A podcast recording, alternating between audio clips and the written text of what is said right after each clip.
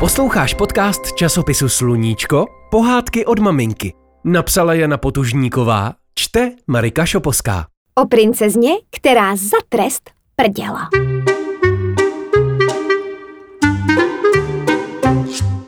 Starý král Ervín přecházel po svém zámku sem a tam a pořád si něco mumlal pod fousy. Byl starý tak akorát, ještě neměl bílé vlasy, spíš šedé. Přesto mu říkali starý král, protože už byl králem dlouho, ale už nechtěl. Chtěl předat žezlo jinému. Jezdit na ryby, spát do oběda. Potíž byla, že neměl syna, jenom dceru, Bereniku. A holky králem být nemůžou. Nevadí, králi, vdá se, přivede nového krále, bude to v suchu, radili mu rádcové. Ervín byl šťastný. Nápad to byl k nezaplacení. Jenže Berenika byla z těch princezen, které nechtějí o vdávání ani slyšet. A kdy si já budu jezdit na výlety? Mám nové kolo? Chci obět celý svět? Nechci královat. A hlavně ani se nechci vdávat.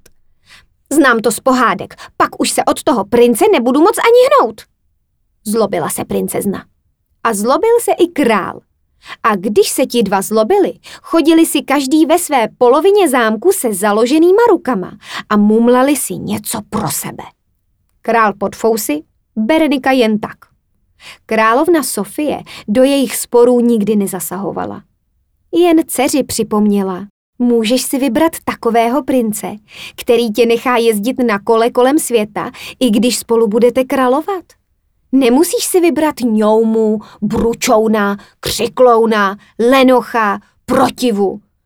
Můžeš si vybrat takového, který ti bude rozumět.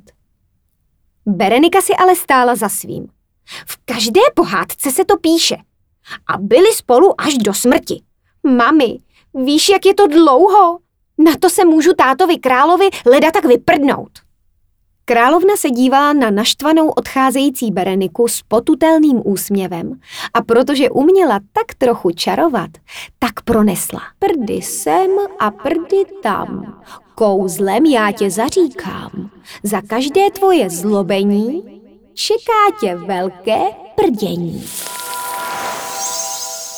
Sotva dokončila zaříkávadlo, otevřela oči a zašeptala do ticha prázdné zámecké chodby – a jestli budeš chtít, holčičko, z toho prdění vysvobodit, budeš si muset najít přesně toho kluka, který pro tebe bude mít pochopení.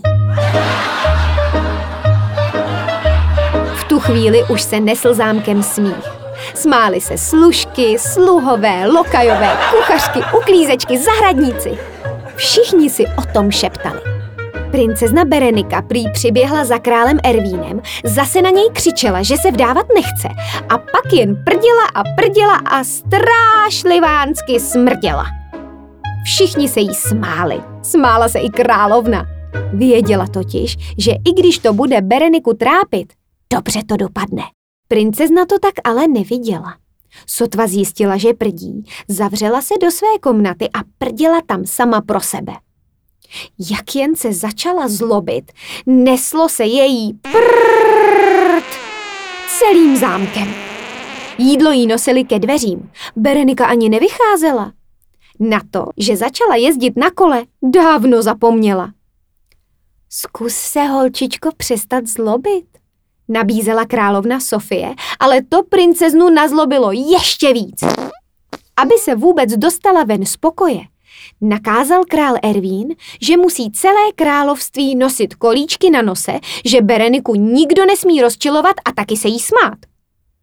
Nakonec jako správný král vyhlásil, že kdo prdící princeznu vysvobodí, dostane, co bude chtít.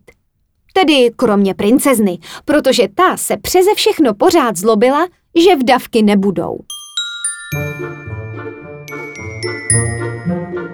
Do zámku jezdili všichni princové z širokého i dalekého okolí.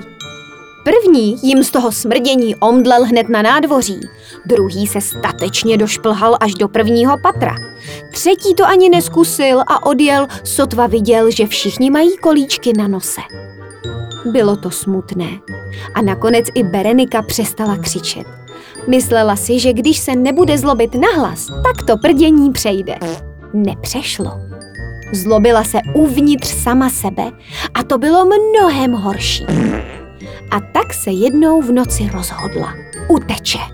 Už nechtěla být prosmích, nechtěla být zavřená doma. Chtěla pryč. Třeba do lesu, kde nebude důvod se zlobit a kde to prdící kouzlo nebude vadit. Vzala si teplý kabát a rukavice a opravdu utekla. Celé dny se toulala po loukách, lesích a po dlouhé době jí bylo dobře. Spala v krmelcích, kde vonilo seno a nikdo, vůbec nikdo se jí nesmál.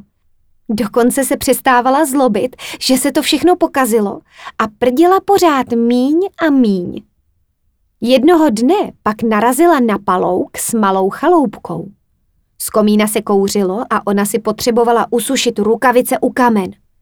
Zaklepala, vešla a v chaloupce našla kluka. Ležel v peřinách, nemocný, ukýchaný, ukašlaný. Nechoď ke mně, nakazíš se. Zlobil se na Bereniku, která mu hned běžela chystat teplý čaj. Tak to dělala královna Sofie, když bývala sama princezna nemocná. No a vyléčím tě. Zlobila se zase Berenika na něj, když mu za chvilinku podávala hrneček. A protože se zlobila, zase si po dlouhé době pořádně prdla. Eh, promiň, eh, hned půjdu, ať to tu, no, nepáchne. Styděla se. Proč? Já mám rýmu, já nic necítím. Usmál se na ní kluk v peřinách a oběma bylo najednou líp. Klukovi se po čaji ulevilo od rýmy. Bereniku přestalo trápit, že někomu vadí její prdění. A jako zázrakem úplně prdět přestala. Brzy byla totiž zamilovaná. Do toho kluka s rýmou. A kluk s rýmou zase do ní. Po čase se pak spolu s klukem vrátila do zámku. Přijeli na kole, na kterém pak spolu objeli celý svět.